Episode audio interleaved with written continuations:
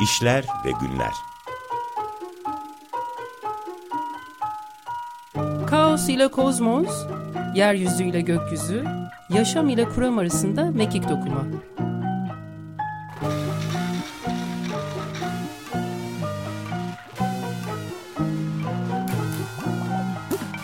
Hazırlayan ve sunan Rahmi Ördüm Herkese günaydın. Ee, nasılsınız ee, sorusuna gel alışkanlıkla iyiyiz yanıtını veriyoruz. Fakat iyi olma halimizin sürekli değiştiğini e, biliyoruz. Yani karşılaşmalara bağlı olarak e, ve şeylerin düzenine, şeylerle karşılaşmaya bağlı olarak e, iyi olma e, halimiz, iyilik halimiz sürekli değişiyor.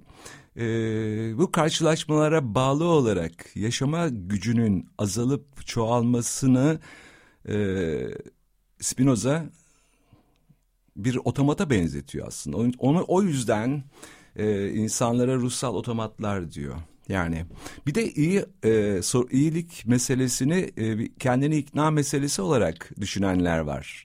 Nasılsınız sorusuna yanıt olarak e, iyi diyelim, iyi olalım yanıtını verenler yine burada bir bir e, zorunluluk meselesi var. Yani bir e, yaşama e, gücüne, yitirilen o yaşama gücüne yeniden e, sahip olmanın aslında bir tür kendini ikna sorunu olduğunu düşünenler bunlar. E, fakat karşılaşmalar gerçekten bize sürekli e, etkiliyor ve kudretimiz bu karşılaşmalara bağlı olarak kimi zaman azalıyor, kimi zaman çoğalıyor. Fakat çoğunlukla karşılaşmalar öyle düzenlenmiş ki keder üreten bir toplumda e, yaşamak zorundayız. Çünkü kederli e, varlıklara her zaman Spinoza'dan alıntı yaparak söylediğim gibi e, kederli varlıklara muhtaçlar özellikle iktidarlar. Çünkü kederli olan yani yaşamak kudreti en düşük olan varlıklar e, kolaylıkla boyun eğerler, teslim olurlar ve umut ederler tabii bu varlıklar. Gelirken biraz önce e, Açık Radyo'nun girişinde Greta, Greta e, Thunberg'in bir stensilini gördüm. Orada şöyle yazıyordu.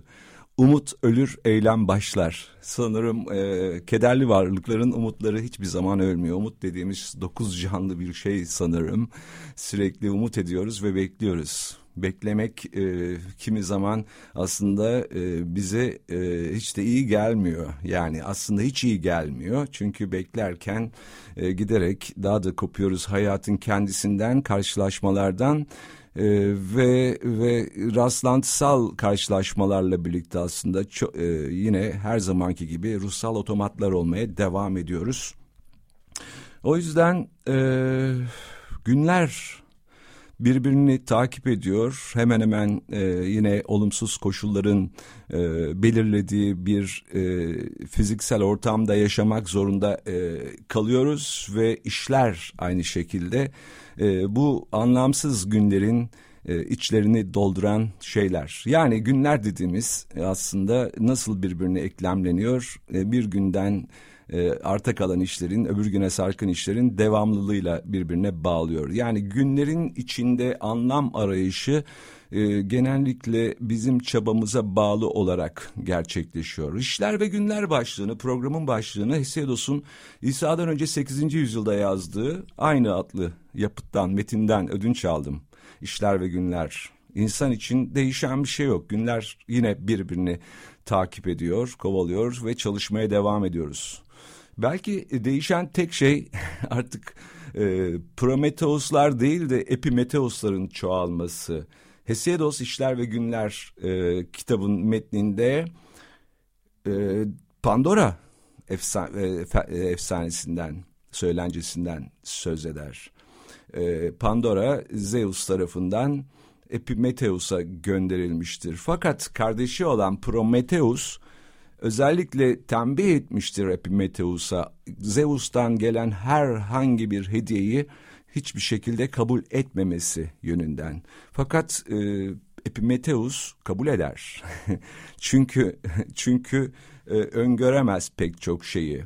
Prometheus ve Epimetheus adları e, aslında önceden gören, tahmin eden, e, aklı aklı başında olan e, anlamına ya da e, önceden göremeyen, öngöremeyen, aklı sonradan gelen anlamlarını taşıyor. Pro ön demek, Meteus da e, akıl etmek, düşünmek anlamlarını e, barındırıyor içinde.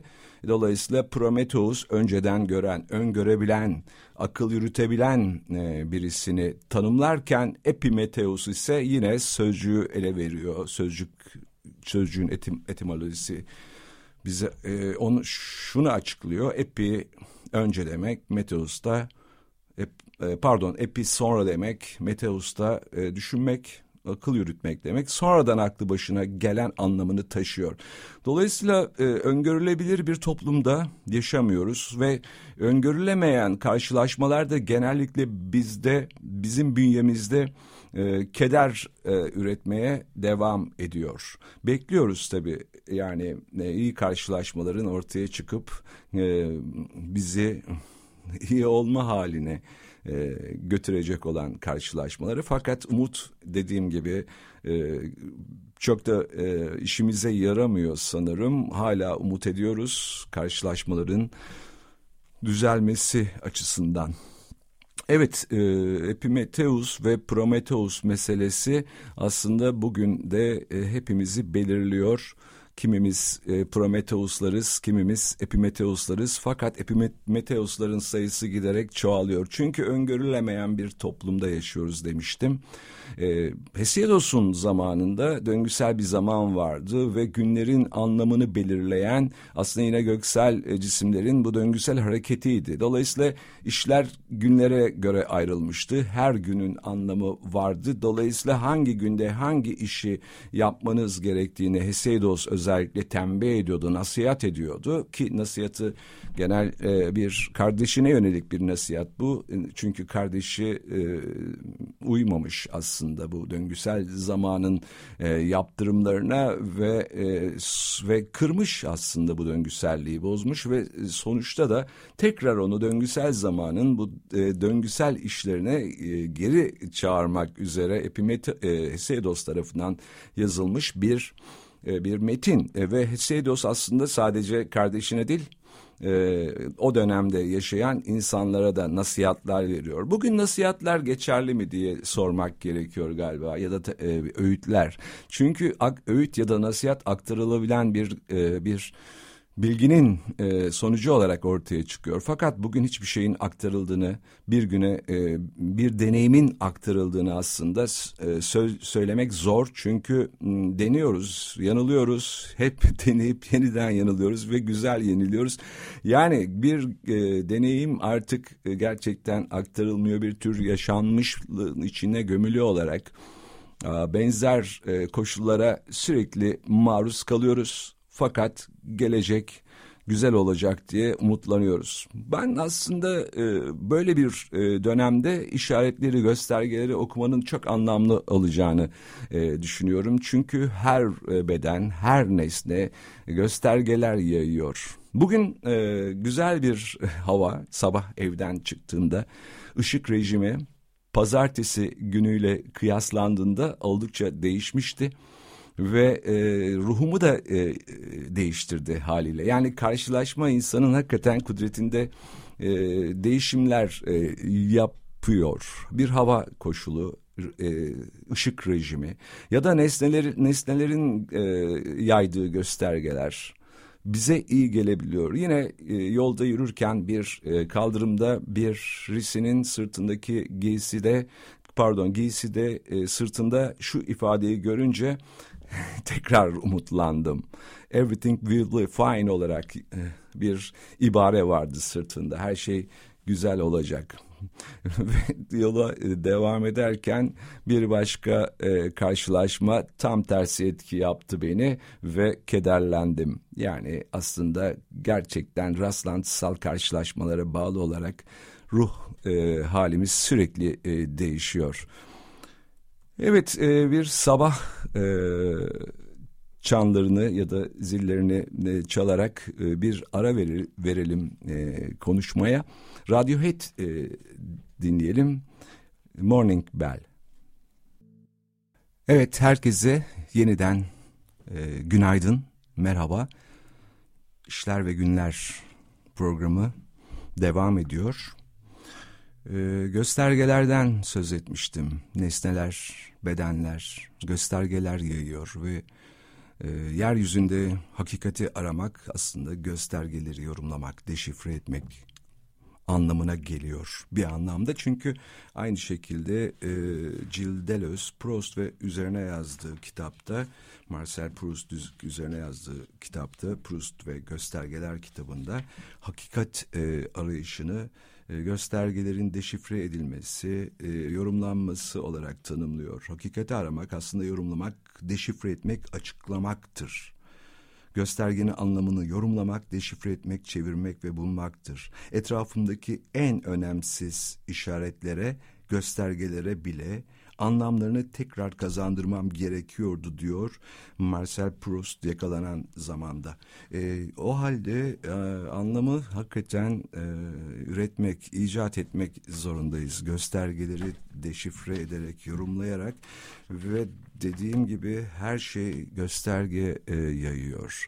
Dolayısıyla göstergelerle karşılaşıyoruz. Fakat göstergeler e, çok farklı göstergeler var. Örneğin e, çoğu zaman e, bizim e, açık algılarımızın açıklığı çoğunlukla da e, bir ticari e, bir kimlik olarak markalara yönelik göstergelere yöneliyor. E, fakat hayatın, e, yaşamın, yeryüzünün göstergelerine ise duyarsızlaştık. E, yeryüzünün e, göstergelerine duyarlı olmak, yeryüzünün hakikatini e, aramaktır. Ki bu hakikatte zamanla değişen bir hakikattir. Çünkü yer e, göstergeler de sabit değil, zamanla sürekli değişiyor ve bir tür bir tür çıraklık olduğunu söylüyor aslında e, bu işin e, Deleuze ve buna bağlı olarak da öğrenmek e, meselesi tamamen göstergeleri deşifre etmekten geçiyor. Öğrenmek e, diyor e, Deleuze asıl olarak göstergelerle ilgilidir. Göstergeler soyut bir bilginin değil, zamansal bir çıraklığın konusudur. Öğrenmek bir maddeyi, nesneyi, varlığı her şeyden önce deşifre edilmesi, yorumlanması gereken göstergeler yayıyorlarmış gibi ele almaktır. Bir şeyin e, Mısır bilimcisi olmayan çırak yoktur. Odunun göstergelerine duyarlı olunduğunda marangoz ya da hastalığın göstergelerine duyarlı olunduğunda hekim olunur. Bir işe yakınlık göstergeler açısından her zaman yazgıdır. Bize bir şeyler öğreten her şey göstergeleri yayar. Her öğrenme eylemi göstergelerin ya da hierogliflerin bir yorumudur. Evet aslında bu gösterge meselesi e, gündelik hayatta sürekli e, içine gömülü olduğumuz gündelik hayatta aslında sürekli karşılaştığımız fakat kimi zaman kimi göstergelere duyarlı olduğumuz, kimi göstergeleri ise görmezlikten geldiğimiz bir mesele. Hay hayata dair, yaşama dair, yeryüzüne dair göstergeleri örneğin e, görmüyoruz. Duyarsızlaştık onlara karşı. Sadece e, kentlerin özellikle büyük kentlerin çizgisel e, zamanında e, yolun kenarına e, yerleştirilmiş markalar, kimlikler aslında bir gösterge olarak bizi cezbediyor ve onların peşi sıra gidiyoruz.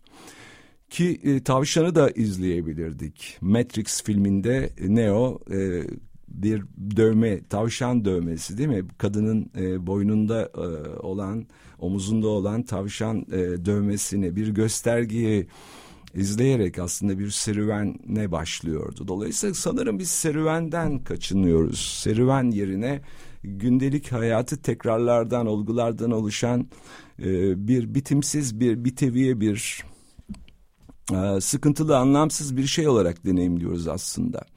Yani anlamı üretebilmek, icat etmek için göstergeleri izlememiz gerekiyor. Yeryüzünde hakikati aramamız için. Yeryüzünün hakikatlerine duyarsızlaştık. Onun yerine e, gökyüzünden haber getirdiklerini iddia eden hakikatin efendilerin sözlerinde arıyoruz hakikati. Yeryüzü değişim ve bozulma, gökyüzünü ise değişimden muaf, saf ve ilahi ideaların mekanı olarak bellediğimizden beri bu böyle. Hakikat, hakikatin efendilerinin sözleriyle bize bildiriliyor. Yeryüzünün hakikatleri oysa deneyerek keşfedilirdi. Deneyip yanılanlar, denemekten usananlar için hakikatin efendileri kalıcı, değişmeyen ilahi hakikatleri yeryüzünde pazarlıyorlar. Ve yeryüzünün içkin kuvvetleri tarafından biçimlendirildiği halde insan ona inanıyor, onlara inanıyor hakikatin efendilerine. Ve Nietzsche yalvarıyor hakikatin efendilerine inananlara. Şöyle diyor Nietzsche. Yalvarıyorum kardeşlerim, yeryüzüne sadık kalın ve size doğaüstü umutlardan söz edenlere inanmayın. Zehir saçar onlar, yeryüzünü aşağılayanlardır. Yeryüzüne sadık kalmak denemekten asla vazgeçmemektir. Ki e, Samuel Beckett'in o meşhur her yerde karşımıza çıkan alıntısı tam da e, bunu vurguluyor. Ne diyordu? Hep denedin, hep yenildin, olsun, yine yenil, daha güzel yenil. Hakikat arayışı insanın bitimsiz çabasıdır. Fakat hakikatin efendilerine inandığı an hakikat arayışı sona erer. Bedeni ve ruhu ele geçirilir. Hak, hakikatin ruhu hakikatin zehri yayılır e, ruhunda e, ve yeryüzü giderek değersizleşir. Değerli tek şey kalır geriye para. Hayatta kalması artık yeryüzünün kuvvetlerine değil paraya bağlıdır. Hakikatin efendileri yeryüzünü yağmalayan ve hayati olan her şeyi paraya çevirenlerdir. Ve insan paraya endekslendikçe sonunda kendisi de paraya çevrilecek bir metaya dönüşür. Hayatta kalmak için emeğini satmak zorundadır. Sattıkça yağmalanır ve yeryüzünün yağmalanmasına katkıda bulunur.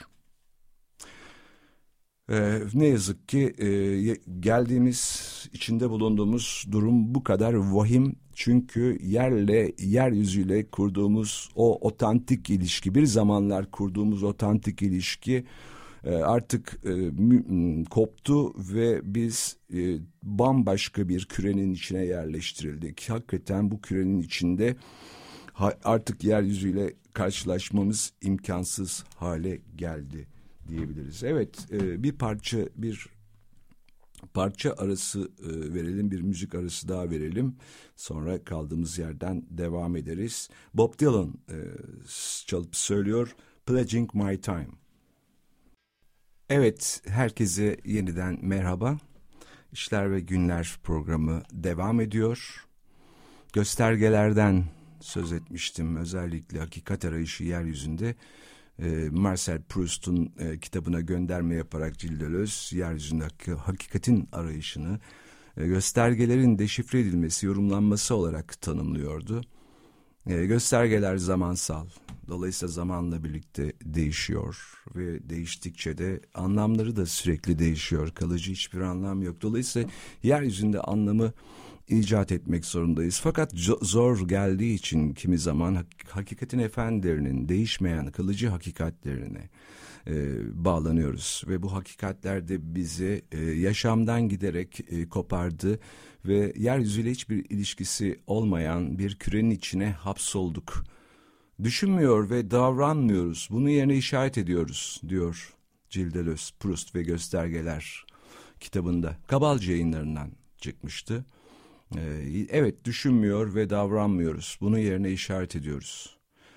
Evet yeryüzündeki her beden nesne işaretler, göstergeler yayıyor. Düşünmek yine e, Proust'a göre ki Cildelöz'ün yorumu göstergelere karşı duyarlı olmayı gerektirir. Düşünmüyoruz zira yeryüzünün göstergelerine karşı duyarsızlaştık. Düşünmek ancak bir göstergenin şiddetine maruz kalındığında gerçekleşeceğini söylüyor kitabında özellikle Proust. Bakışlar yeryüzünün göstergelerini anında paraya çevirdikçe canlı göstergelerin değil sadece paranın şiddetine maruz kalıyoruz. Yeryüzünün yaydığı, yaşayan ve zamanla değişen yerel göstergelerin yerini paranın değişmeyen ilahi göstergeleri aldı ve yeryüzündeki hakikat arayışı da para arayışına çevrildi. Evet bir anlamda yeryüzünde hakikatin arayışı para arayışı bugün günümüzde herkes para arıyor para bulmanın peşinde hükümet öyle her şey satılacak ve satın alınacak evrensel bir göster göstergeyle Donatıldığında yeryüzü hayatiliğini, hayatiliğini yitirmiştir. Hakikatin efendilerine boyun eğen insan yeryüzüne ihanet etmiştir. Fakat farkında değil. Yeryüzüne ihaneti yaşamak sanıyor. Kızılderili şef Seattle haklı olarak şunu sorabilir. Son ırmak kuruduğunda, son ağaç yok olduğunda, son balık tutulduğunda beyaz adam paranın yenmeyen bir şey olduğunu anlayacaktır. Beyaz adam ya da beyazlaştırıcı ürünlerle beyazlaştırılmış insan çok uzun zamandan beri parayla beslenen cansız bir otomattır. Düşünmüyor, sadece paraya işaret ediyor. Düşünmek göstergelerle karşılaşmak, daha doğrusu onların şiddetine maruz kalmak ve e, düşünmek zorunda kalmak. Bizi düşündürten tek şey günümüzde bu koşullarda sadece e, para diyebiliriz. Dolayısıyla bu kısır döngüden çıkmadığımız sürece yeryüzünün yıkımına katkıda bulunacağız. Ve yeryüzüyle birlikte biz de e, yıkıl, yıkılacağız aslında, sömürüleceğiz, yağmalanacağız. Evet bir müzik arası daha e, vereyim. E, Cream'den dinliyoruz. Crossroads. Herkese tekrar merhaba. E, Açık Radyo'dayız. İşler ve Günler programı devam ediyor. Algıların e, köreldiğinden söz etmiştik. Özellikle göstergelere karşı yeryüzünün yaydığı, yeryüzünün bedenlerinin, nesnelerinin yaydığı göstergelere karşı bir tür duyarsızlık e, geliştirdik. Sadece kentlerin, sistemin göstergeleri bizi aslında baştan çıkarıyor.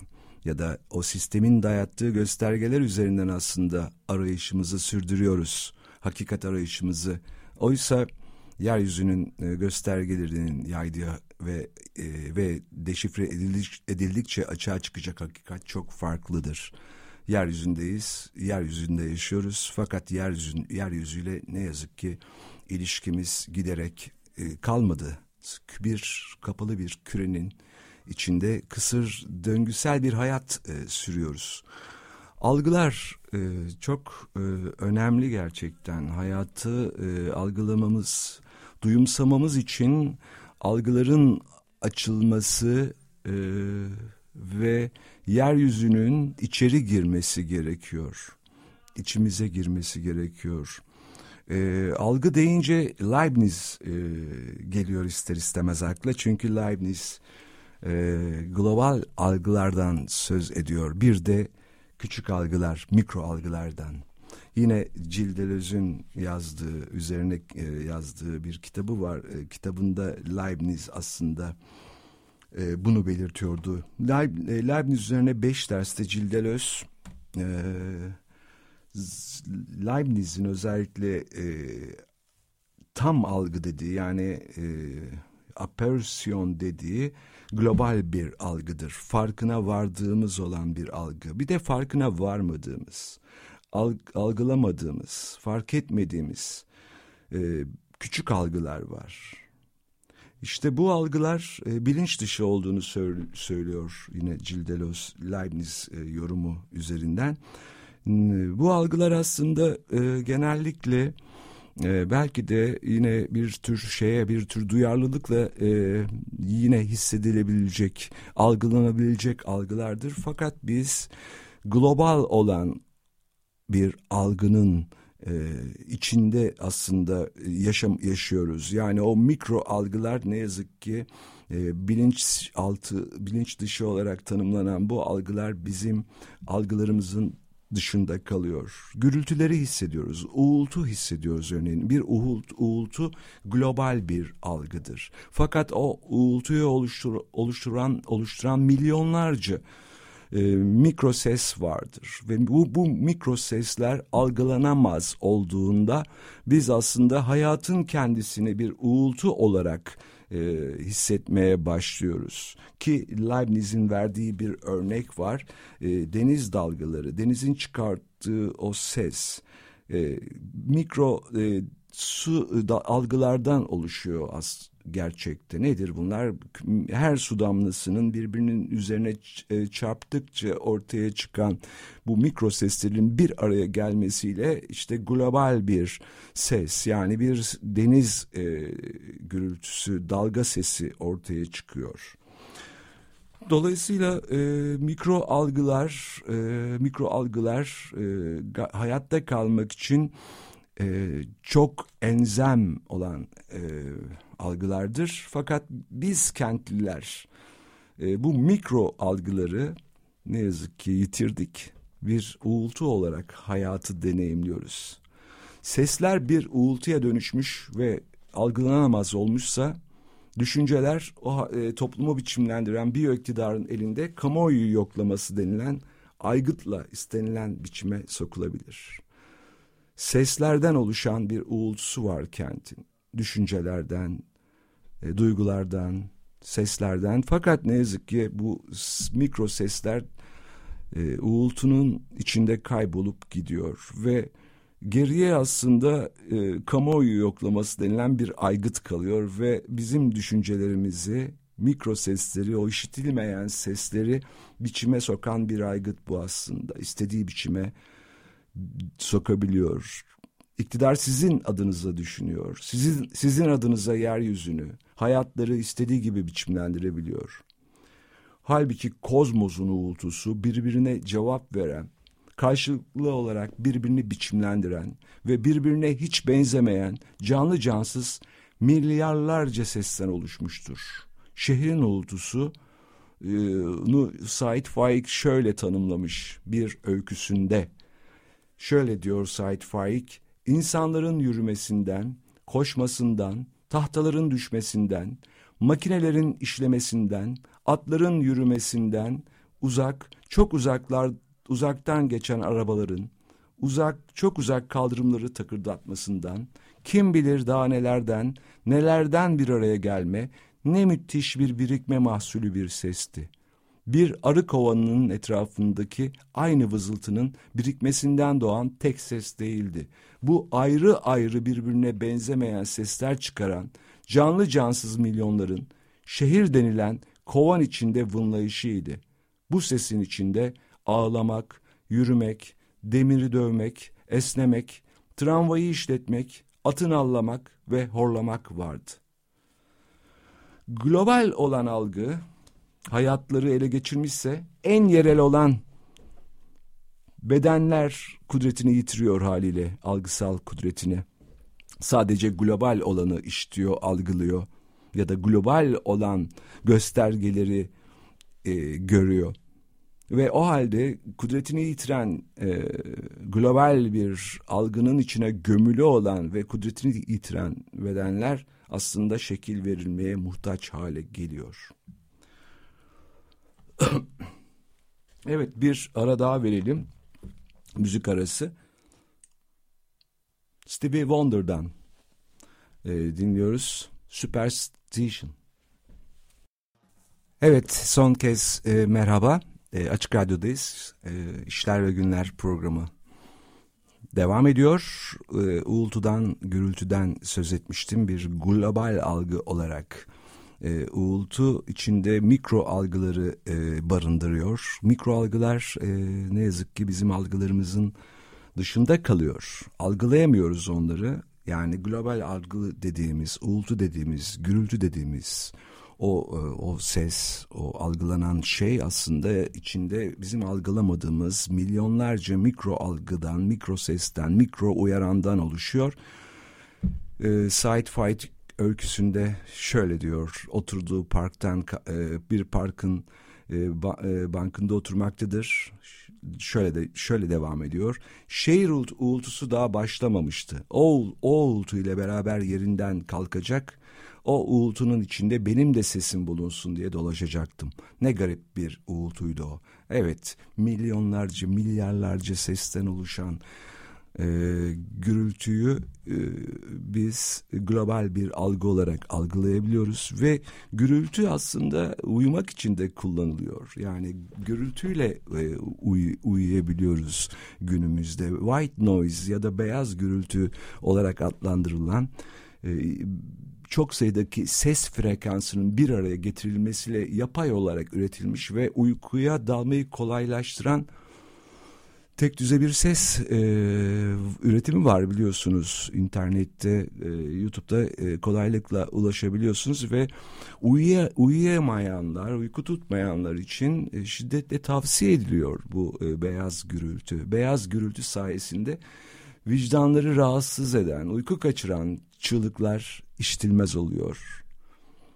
E, beyaz gürültü katledilen çocukların evlatlarını arayan cumartesi annelerinin, kırlarda ve şehirlerde yıkılan ortamların, ağaçların, hayvanların çığlıklarının örtüyor. Beyaz gürültü uyutuyor. Araştırmalar beyaz gürültünün bebeklere anne karnındayken yaşadıkları güvenli ve huzurlu ortamı anımsattığı için çok faydalı olduğunu gösteriyor. Beyaz gürültü yeryüzünün farklı seslerine tahammülü olmayanlar tarafından üretilmiştir ve hayatı kaos olarak deneyimleyenlere hayattan kaçıp yitirilen cennete geri dönebilme e, um, e, imkanı sağlıyor. Derin uykulara dalabiliyor, dalabilme imkanı sunuyor aslında beyaz gürültü e, bir anlamda ana akım medyanın ürettiği ve sosyal medyanın çoğalttığı huzura kavuşabileceğiniz işitsel bir mekan. Kör edici beyaz ışığın işitsel karşılığı beyaz gürültü ile beyaz ışık aynı kaynaktan yayılıyor.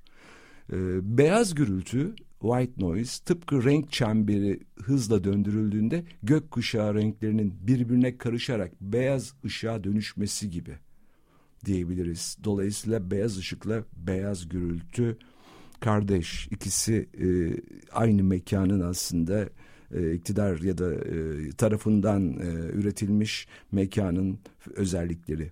Önceleri tekil sesler duyabiliyorduk, onlarla konuşabiliyorduk fakat giderek derinlerden gelen bir gürültü her yeri kapladı. Sokakları, evleri ve içlerimizi birbirimizi işlemez olduk. Yani bu açıkça artık birbirimizi e, çok işittiğimiz söylenemez. İnsan mikrokozmostur. Dışarıdaki sesler susturulsa bile kozmos içinde konuşmaya devam eder. Bazen içlerindeki çokluğun sesini işittikleri de oluyor insanların. Fakat o zaman da akıl sağlıklarını yitirdiklerini düşünüyorlar. Gayipten sesler duyuyorlar çünkü. Allah'tan ekranlar var. Ekranlar açıldığında iç sesler birden kayboluyor. Beyaz gürültü halkın sağlığını korumak için iktidar tarafından icat edilmiştir. Yoksa insan yeryüzünün yıkımına, can çekişen canların çığlıklarına, ötekilerin seslerine nasıl tahammül edebilirdi ki? Fakat hala aralarında algıları açık olan Beyaz gürültüye rağmen tekil sesleri işitebilenler de var. Beyaz ışık gözlerini kör etmesin diye gözlerini kapatarak kozmozu dinlemeye devam ediyorlar. Orhan Veli, İstanbul'u dinliyorum, gözlerim kapalı. Kuşlar geçiyor derken, yükseklerden, sürü sürü, çığlık çığlık. Elbette e, şehrin kendiliğinden ortaya çıkan uğultusu yapay olarak üretülmüş beyaz gürültüden farklıdır.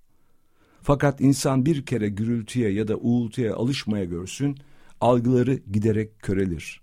Uğultu ya da gürültü global bir algıdır. Mikro algıları maskelemeye yarar. Algıları e, kimi zaman gündelik hayatta e, deneyler yapıyorum. Uğultu olarak algıladığım bir gürültü olarak e, algıladığım bir ortamın sesini ayırt etmeye, tek tek e, konuşan e, bedenlerin seslerine odaklanmaya çalışıyorum. Birkaç kere denedim, başardım. Ne demek, ne dediklerini anlamayı başardım. Sanırım algılarda e, algı kapılarının temizlenmesi de bir çaba istiyor. Bir yoğunlaşma, bir odaklanma meselesi. Yani e, sesleri işitebilmek için gerçekten büyük çaba e, göstermemiz gerekiyor. Aksi takdirde global algı e, tamamen o sesleri maskeliyor, örtüyor ve global ses hayatlarımızı yönetir hale geldi. Ve o yerel olanı biz gözden kaçırıyoruz. Yede, yerel olan bedenler, en yerel olan bedendir ve bedenlerin e, yaydığı, neşrettiği göstergeler, o göstergeleri okuyabilme ve dolayısıyla yeryüzünün hakikatini e, zamansal bile olsa, geçici bile olsa keşfedebilme meselesi. Göstergeleri okuyabilmek, e, göstergeleri e, deşifre edebilmek hakikat arayışı e, olarak e, tanımlıyordu Cilderos özellikle Proust üzerine yazdığı kitapta ki Proust'un yaptığı da yaptığı e, yapıtlarında özellikle e, yapmak istediği de tam da bu göstergelerin şiddetine maruz kalan e, bireylerin aslında göstergeleri yorumlama, deşifre etme çabasıydı. E, ki e, Marcel Proust e, her e, istem dışı bir karşılaşmayı özellikle önemsiyordu. İstemli bir karşılaşma yerine istemeden karşına çıkan bir göstergenin özellikle e, çok fazla bedeni ve ruhu etkilediğini ve o göstergeyle birlikte bir belleğin e, ortaya çıkarıldığını söz ediyordu. Dolayısıyla rastlantısal karşılaşmalar çok önemli. Rastlantısal karşılaşmalar özellikle yaşayan canlı bedenlerle ve e, ve yaydıkları göstergelerle rastlantısal karşılaşmalar bizi e, yeryüzünde hakikat arayışına yönlen, yön, e, yönlendirecektir. Hakikat e, değişmez kalıcı bir şey değil. Onun altını özellikle çizmek gerekiyor. Yeryüzünde hakikatin hakikat karşılaşmalara bağlı olarak sürekli değişen yeryüzünün kendine özgü bir hakikati var. Yoksa yeryüzünün hakikati dışında insan e, değişmeyen kalıcı hakikatin peşine e, kolaylıkla düşebiliyor. O da hakikatin efendilerinin özellikle tuzağına e, düştüklerini söyleyebilirim. Çünkü denemekten ve yanıl, yanılmaktan usandıkça yeryüzünü terk ediyor ve değişmeyen kalıcı bir aleme yerleşmeyi e, amaçlıyor diyebiliriz. Evet, e, herkese e, çok teşekkür ediyorum. Yayının sonuna geldik. Andre'ye Teknik Masa'da teşekkürler. Ayrıca bizi destekleyen e, sevgili dinleyicilerimize de çok teşekkür ediyorum. Hoşçakalın. İyi günler.